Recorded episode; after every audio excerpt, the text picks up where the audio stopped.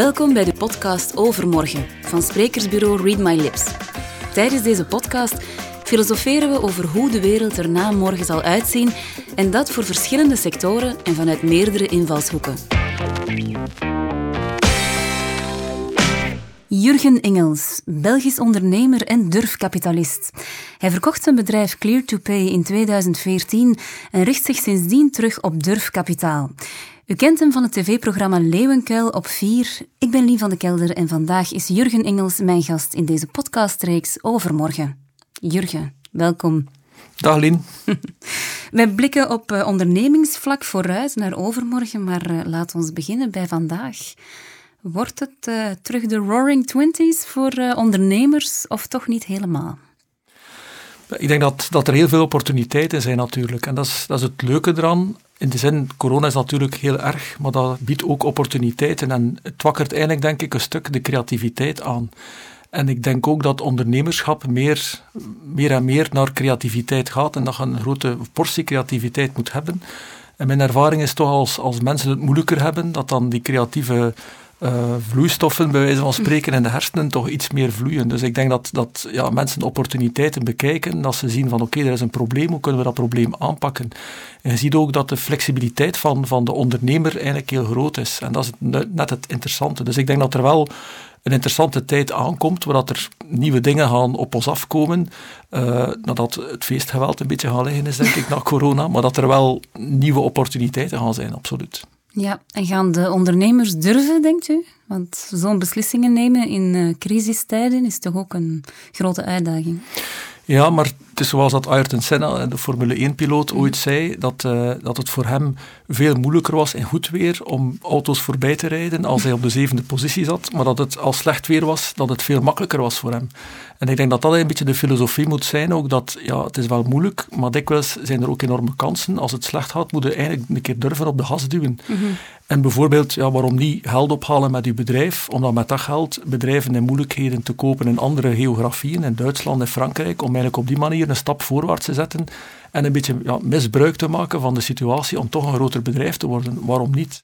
Ja, ja. zijn de bedrijven voorbereid op uh, wat er komen gaat? In termen van, uh, van de, na, na de crisis bedoel je? Ja, een plan. Ja, er is, er is uiteraard in begin maart, toen dat, toen dat, uh, toen dat corona uit uh, gebeurde, hadden wij ook als fonds, dus wij investeren in bedrijven. We hadden zoiets van, oei, uh, zeer moeilijk, groot probleem. En dat was wel een klein beetje paniek ook bij ons, mm -hmm. van hoe gaat dat werken. Maar je ziet eigenlijk dat bedrijven zich heel snel aanpassen. En als je vandaag kijkt naar de waarderingen, waar mm -hmm. dat bedrijven gewaardeerd worden, ja, dan zijn we eigenlijk op waarderingen die totaal buiten proportie zijn, die nog nooit historisch zo hoog geweest mhm. zijn.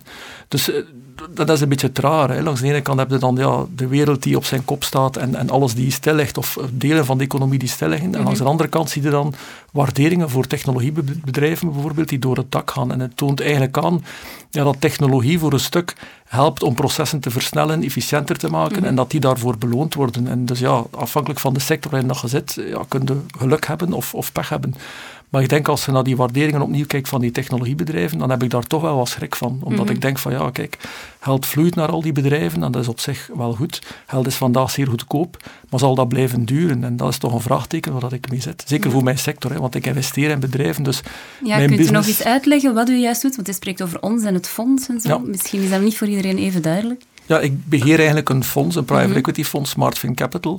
En wat betekent dat? Wij krijgen eigenlijk een zak geld uh, of wij, ja, van aandeelhouders van ons fonds, met de bedoeling om dat geld te gaan investeren in mhm. bedrijven. In ruil voor die investering krijgen wij aandelen.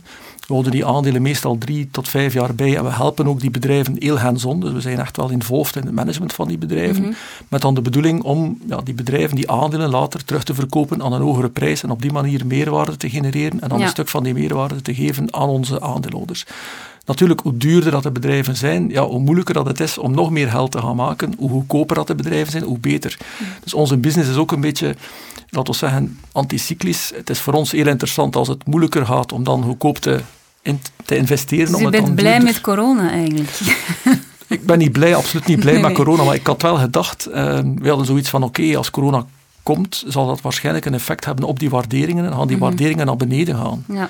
En eigenlijk hebben we net het tegenovergestelde gezien. De waarderingen zijn nog, nog veel meer gestegen. En ja, voor onze business is dat in C niet goed. Het is natuurlijk goed mhm. als ze kunnen bij bedrijven verkopen, wat dat we nu de laatste maanden en, en het laatste half jaar gedaan hebben. Dus we hebben eigenlijk bedrijven uit ons portefeuille verkocht. Mhm. Dat is op zich heel interessant. Maar ja, die middelen die je dan hebt, moeten ook opnieuw gaan investeren. Dus uh, en als alles duur is, maakt het dat het leven moeilijker. Ja, dat is zo. Maar misschien moeten bedrijven toch durven falen, dat hoor je soms. Wat denkt u daarvan? Ja, ik, mensen zeggen je moet durven falen. Ik zou toch liever hebben dat je, dat je niet echt valt vanuit een bedrijf. Want de, de gevolgen van een bedrijf te hebben dat failliet gaat, zijn in mhm. België nog altijd zeer groot. Hè. Mm zowel, zowel maatschappelijk wordt dat wordt het toch een beetje scheef bekeken als dat gebeurt. En ook ja, juridisch heb je toch, uh, toch daar impact van. Mhm. Ehm, ik denk dat je wel moet leren. Je moet door een leerproces gaan. Want ondernemen is eigenlijk leren. Maar ik denk dat je gezond verstand moet hebben om te zien als iets niet werkt. Uh, dat je je heel snel aanpast. En mhm. dat is je aanpassingsvermogen uh, is belangrijk. En ik zie toch heel veel ondernemers die, die soms koppig zijn, of je moet wat koppig zijn, maar die een idee hebben en die eigenlijk vasthouden aan dat idee. Ze willen mm dat absoluut doen slagen, terwijl dat iedereen en alle signalen rondom hen heel duidelijk zijn dat dat niet gaat werken. Dus ik denk dat je de, flex, de mentale flexibiliteit in je hoofd moet hebben om mhm. te luisteren naar mensen die rond je staan en die zeggen het werkt niet. Of als je feedback krijgt van de markt, wat is te duur, of het is niet goed, of het is technologisch niet interessant. Mhm. Dat je dan eigenlijk moet durven aanpassen. En ik zie eigenlijk de beste ondernemers die je kent, zijn eigenlijk mensen met die heel grote aanpassingsmogelijkheid. Omdat er geen enkel bedrijf wordt geboren en gaat met dezelfde filosofie door tot een groot bedrijf. Mhm. Heel vaak is dat aanpassen, uh, een beetje meer naar links, een beetje meer naar rechts, uh, zelfs 180 graden omkeren. En het is die mentale flexibiliteit dat je moet hebben. Ja, ja. U sprak al even over uh, faillissementen, hè, dat dat eigenlijk een, toch een negatief iets is. Uiteraard, wat vindt u van het huidige beleid of de beleidskeuze om de faillissementenstop nu even in te voeren? Ja, op zich is dat goed, denk ik. Maar langs de andere kant mag het ook niet zo zijn dat je ja, de living dead, dat je die wat langer in leven houdt. Ik mhm. vind, eh, langs de andere kant is het goed dat ze daar die liquiditeit voorzien. Maar als een bedrijf fundamenteel een businessmodel heeft dat niet werkbaar is, ja, dan heeft het ook geen zin om, uh, om daar geld aan, aan te geven.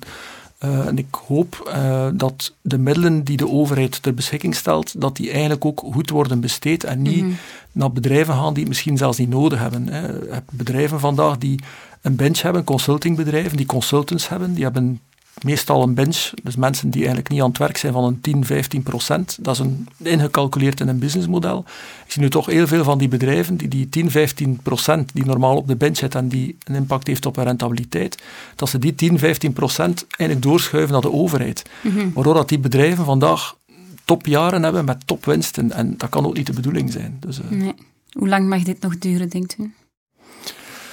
Ik hoop niet te lang meer, want uh, eerlijk gezegd, ik ben het ook wel een beetje beu. Uh, allee, niet dat dat, maar ik, denk ook, ik mis ook een stuk um, ja, het, het, contact, omdat je zeker vanuit investeringen, vanuit het ondernemen, eh, je ziet wel mensen, maar de tweede taal, hè, je lichaamstaal, de manier dat je reageert en zo, je mist daar toch een stuk van als je mhm. op een scherm kijkt.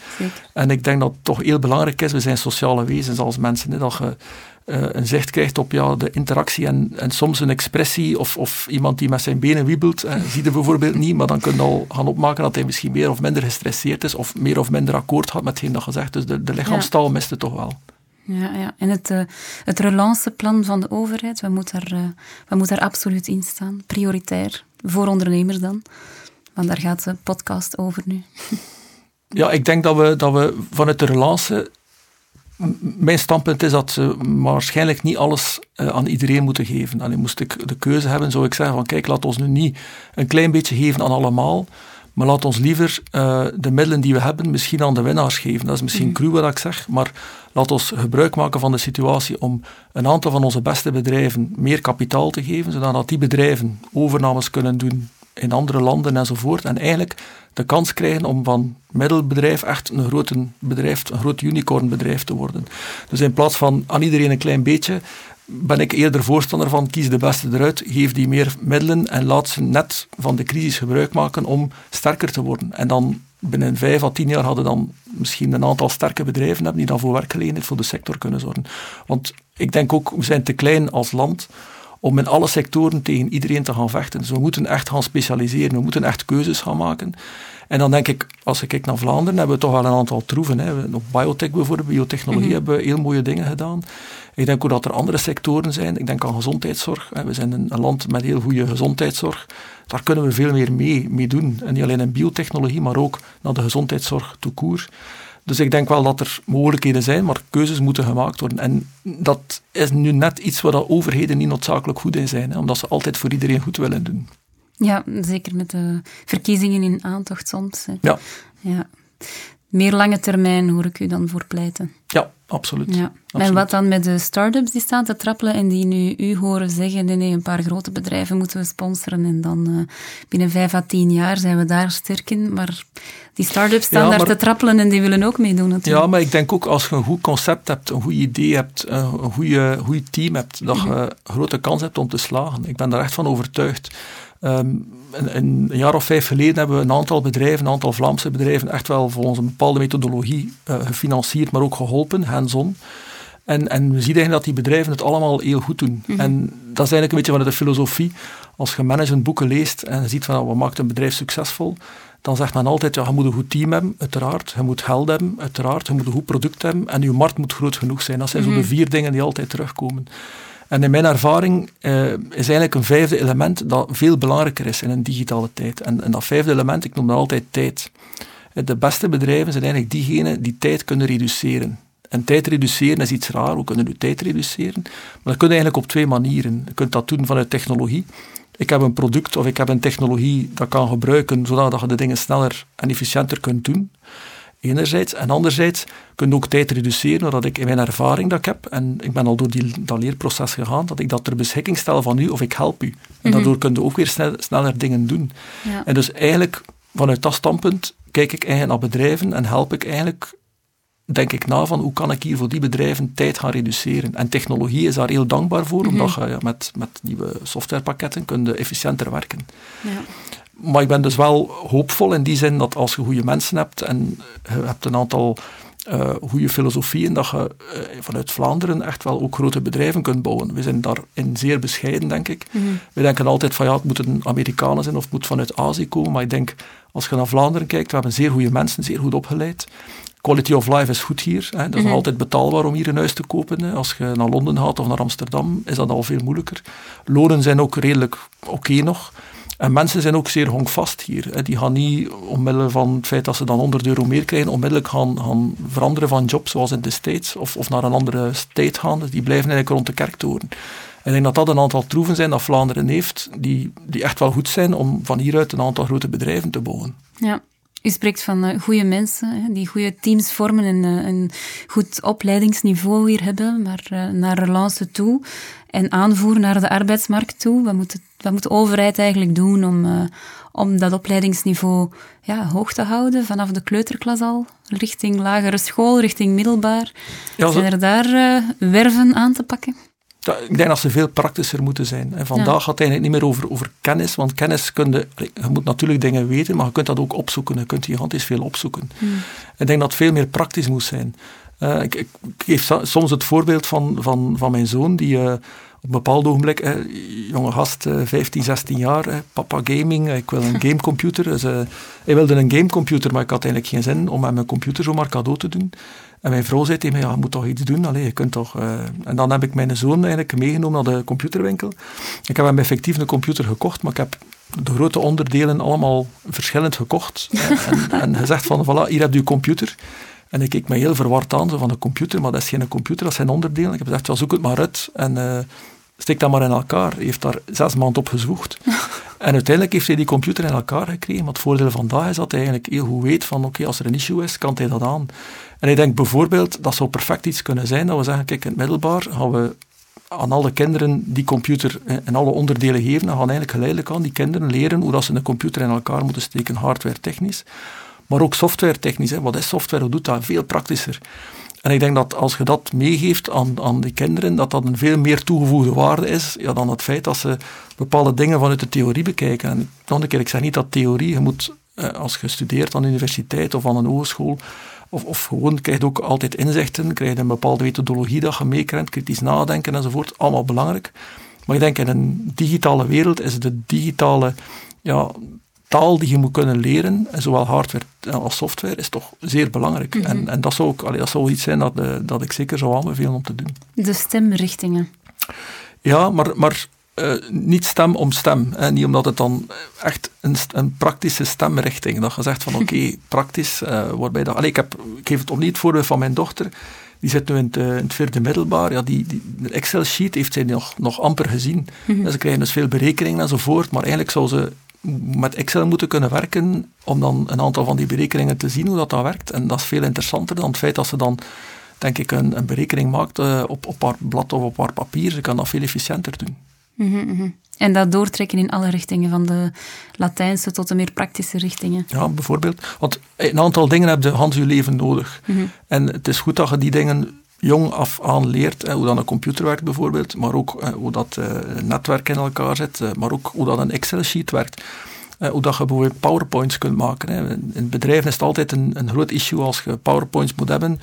Ja, iemand vinden die echt goed PowerPoints kan maken. Die mm persoon is zijn geld, er is eigenlijk zijn gewicht in goud waard voor een bedrijf. En, en dat zijn ook keuzes dat je moet maken. Hè dat zou perfect iets kunnen zijn dat we jongeren ook leren hoe dat ze powerpoints moeten maken, hoe dat ze presentaties moeten geven. Er zijn heel veel jongeren die gewoon pitchen, een bedrijf naar voren brengen, die daar gewoon niet in slagen. Mhm. En dat komt ook omdat we te weinig, denk ik, jongeren ook... Ehm, in Nederland is dat iets meer. Uh, zeggen van oké, doe een keer een voordracht, doe een keer een spreekbeurt. Mhm. Eh, mijn kinderen hebben spreekbeurten moeten geven, maar heel, heel beperkt en nooit op een niveau dat je zegt van nou, dat is echt wel belangrijk. Dus dat zouden we veel meer onze kinderen moeten leren, want daar gaan ze iets mee zijn in, in het later leven. Ja. Welke tools hebben die kinderen nodig nu als ze afstuderen van, uh, in deze tijden van corona om uh, een goede ondernemer te worden? Maar ik denk dat je passie moet hebben. Dat is voor mij is dat nummer één. Mm -hmm. Kijk ik ook altijd naar, naar mensen van, zijn ze gepassioneerd? En met passie bedoel ik echt er alles willen over weten. Als je, als je gepassioneerd bent van iets, dan lezen er alles over, worden eigenlijk per definitie er beter in, hadden er meer over weten en worden eigenlijk bijna een specialist. En ik zie altijd mensen die gepassioneerd zijn. Die, die, je kent die wel, hè? die mensen die s'nachts een vrouw wakker maken en zeggen, ik heb een idee. En die vrouw zegt, laat mij slapen, onnozelaar. Of omgekeerd, uh, hè? we moeten hier of omgekeerd, ja, zeggen. maar, maar het is die passie, denk ik, die... die ja, en ik, en ik zie veel ondernemers die niet altijd gepassioneerd zijn, omdat het ook het is vandaag wel tof om ondernemer te zijn. Hè. Iedereen zegt, ja, ik wil wel op mijn cv, moet er wel staan dat ik ondernemer ben. Maar ik denk dat je kunt leren om ondernemer te worden, of er beter in te worden, maar ik denk dat het wel in je bloed moet zitten. Mhm. En dus, ja, als het in u zit, dan moeten die passie, uh, hadden die passie vooruitzien. En ik denk ook dat mensen die echt gepassioneerd zijn, dat die gewoon betere ondernemers zijn. Omdat ze meer weten van hun concurrenten, omdat ze meer weten van de producten, omdat ze meer weten van de markt, omdat ze hun cijfers beter kennen. Die zijn daar gewoon volledig van mhm. bevangen. En dat is eigenlijk hetgeen dat, dat ik zoek. Dus passie. Ik denk doorzettingsvermogen ook. Uh, er is geen enkele onderneming of ondernemer die zomaar straight naar de top gaat zonder issues. Er zijn altijd problemen, er zijn altijd moeilijkheden. En als je dat niet doorzet, ja, dan, dan hadden nooit echt er geraken. Er, is, er zijn weinig ondernemers dat ik ken die nooit een keer een heel moeilijke periode gehad hebben in, in het ondernemerschap. Mhm. En dan moet je gewoon durven opstaan en, en, en doordoen. En, uh, en geluk, ik denk ook dat je geluk moet hebben. Uh, het is effectief raar, maar ik denk succesvol ondernemen is 50% geluk. En ik ben daar heel bewust van, want er zijn heel veel ondernemers die denken en zeggen, kijk een keer aan mij, hoe fantastisch dat ik ben. En dat is misschien ook wel zo, maar ik denk ook dat er heel vaak dat ze ook wel geluk had, had hebben. Dat ze op het juiste moment, op de juiste plaats, op de juiste persoon gebotst zijn. Dus geluk is voor mij ook een, een belangrijke factor. Uh, ja. En een beetje rebels zijn. En dat, ja, een beetje, Toch nog een vierde. ja, niet altijd, uh, niet altijd mainstream. Als, als iedereen zegt, doe het niet, dan de echte ondernemer gaat zeggen, ik ga dat toch doen. Met gezond verstand uiteraard. Maar je mocht de mainstream ook niet volgen, want als je de mhm. mainstream volgt, ja, dan gaat ook niet met niks op de proppen komen die dan origineel of creatief is. Ja. En creativiteit is ook belangrijk. Dat, uh, ja, voilà, creativiteit. Voilà, mooi. Een samenspel eh, van vijf factoren eigenlijk. Ja. Ik las ook uh, een interessante bedenking over uh, ja, het, het, ecosysteem eigenlijk van, van het ondernemerschap mhm. en het samenwerken tussen ondernemers. Dus die vijf zaken samen, maar dan ook samen met bedrijven, met anderen dus. Ja, dus een stukje de wereld is aan, het veranderen. Hè. Vroeger hadden zo dat, dat bedrijven eigenlijk volledig geïntegreerd waren. Hè. Philips bijvoorbeeld, ja, die, mhm. maakte, die had zandgroeves en die had ook beeldbuizen, dus die, die was volledig geïntegreerd. Hè. Van, de mhm. zand, van het zand tot aan de beeldbuis. En dat kon ook omdat de wereld minder snel evolueerde. Dus ze hadden tijd, ze konden die dingen assembleren. Ze konden ook wachten en, en een beetje kijken wat er gebeurde en dan interessante dingen integreren in het bedrijf. Maar vandaag is die evolutie, die technologische evolutie zo snel dat je eigenlijk als bedrijf niet meer alles kunt doen. En dat je eigenlijk die, die, ja, die stuk verticale integratie ziet ombuigen naar een horizontale integratie. Waarbij dat elk bedrijf een klein stukje van de keten gaat doen. Hij zal dat zeer goed doen, zeer gespecialiseerd op dat stukje. Mhm. En dan samenwerken met andere bedrijven die een ander stukje van die keten doen. Om op die manier eigenlijk de volledige keten te kunnen gaan doen. Nu, vanuit die filosofie als dat wil werken als bedrijf en je stelt je op van ja, alles is voor mij en ik geef niet en ik werk niet samen, dan gaat er niet geraken. Want je kunt niet meer alles doen zoals dat vroeger was, omdat de dingen te snel evolueren. En dus sharing, dingen meegeven, is denk ik belangrijk antwoorden. En dat is trouwens iets dat, dat het uit de social media komt. hè. Mhm. Vroeger um, aan de universiteit hadden slim Maarten wiskunde of in statistiek, ja, dan kwamen de mensen naar u, want ze voorkwamen uitlegvragen aan de NIF. En dan waren het belangrijk, want je werd eigenlijk belangrijk in de groep, omdat je die uitleg gaf. En, maar hield wel je informatie, bij wijze van spreken, bij u. En de mhm. mensen kwamen naar u. Terwijl jongeren vandaag, die zijn helemaal anders opgevoed en een andere mindset. In die zin, die zeggen, ik, heb, ik heb hier iets dat ik kan en ik share dat. En mhm. doordat ik het share, word ik geliked. En het, is het, het, gaat niet meer over de kennis, maar het gaat over het feit dat je geliked wordt, waardoor dat je belangrijker wordt in de groep. En die filosofie van ja, sharing, hè, dingen als bedrijf gaan samen doen met je klanten, samen doen met je concurrenten, samen doen met de leveranciers, mhm. dat denk ik gaat echt wel belangrijker en belangrijker worden in de komende decennia, omdat je dan als bedrijf de mogelijkheid hebt om te kunnen overleven en samen te gaan werken. De samenwerking, denk ik, gaat, gaat heel belangrijk worden. Ja, dus samenwerking met nichebedrijven eigenlijk, ook internationaal dan? Ja, maar, maar ook bijvoorbeeld met een klant. Hè. Een klant die zegt, ja, het product is tof, maar hè, het zou tof zijn moest dit of dat, of misschien mhm. kunnen wij helpen om dat een andere tweak te geven. Dus het, het, zal veel meer gaan over, uh, over ja, bijna op creatieve modellen gaan werken en, en inputs gaan halen van verschillende kanten. Uh, om dan eigenlijk je producten steeds te gaan verbeteren. En niet meer, hè, zoals vroeger, denken van wij kunnen alles, wij zijn de slimste. Sommige, sommige bedrijven denken altijd wij zijn veel slimmer dan al de rest en wij moeten alles zelf doen. En dat kan, maar dan verlies je weer tijd. Want als je het allemaal zelf doet, moet je weer door die leercurve gaan. Mhm. En het is misschien beter van te zeggen, ja, dat en dat en dat bestaat al op de markt, is al efficiënt en goed georganiseerd. Laat ons die stukken integreren in onze oplossing, waardoor we sneller aan de markt kunnen. Dus die mhm. tijdsaspect, dat tijdsaspect, speelt ook daar een grote rol, denk ik. Ja. En wat denkt u van, ja, dat zou dan ook internationaal zijn, hè? internationaal samenwerken, eventueel met buitenlandse partners, maar er is nu toch een evolutie, ja, de laatste jaren denk ik, dat de landen meer op zichzelf terugplooien. Dat er, ja, ook binnen Europa zijn er landen die er toch wel uitvallen, hè, met de brexit en zo. Um, is dat dan geen tegengestelde tendens? Hè, dat u zegt van samenwerken met, met bedrijven bijvoorbeeld internationaal, maar tegelijkertijd plooien landen weer op zichzelf terug precies? Of is het maar een, is het een foute analyse? Ja, misschien, ehm. misschien in die zin, wat je wel ziet, is dat regio's, zeker in Europa, dat bepaalde regio's zich gaan beginnen specialiseren. Ja. En wat, dat, wat ik wel denk dat je gaat krijgen, is dat binnen Europa bepaalde regio's gaan gespecialiseerd zijn in bepaalde zaken. Mm en dat dan eigenlijk die regio ook de kennis en kunde gaat hebben om mensen van buiten die regio aan te trekken. En dat je dus eigenlijk kennispools gaat hebben. Hè. Dat je, Zoals dat je bijvoorbeeld vandaag in marketing, Duitsland is veel sterker in marketing, Vlaanderen is sterker in biotechnologie.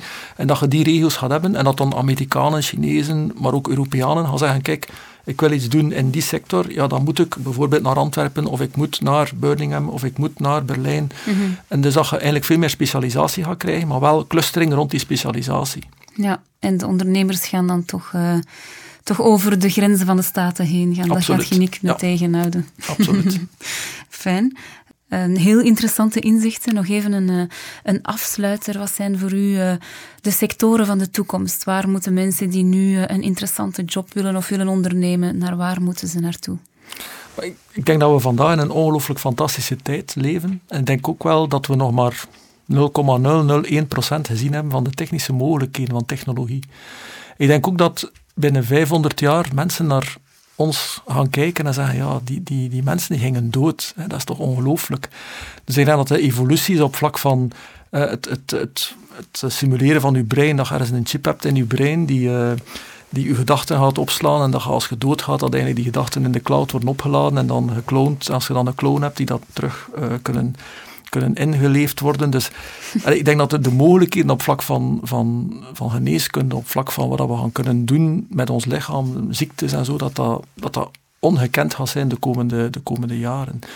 Als ik dan moet kiezen tussen, ja, stel, wat zou ik, wat zou ik kunnen, kunnen doen naar de, naar de toekomst toe, dan denk ik van ja, alles wat dat met data te maken heeft. Want ook daar, eh, analyses van data en daar patronen kunnen uit herkennen, gaat ook helpen om eigenlijk sneller dan dat je brein denkt dat het zo is, eh, dat je er al inzicht in krijgt. En dus alles ook wat te maken heeft met quantumcomputers, dus een manier waarbij dat ze veel sneller berekeningen gaan kunnen doen. Die evolutie is echt wel, echt wel gigantisch. Dus ik, ik, zeg soms, ja, ik zou heel graag binnen, binnen 500 jaar een keer eh, een halve dag terugkomen om gewoon een keer te kijken.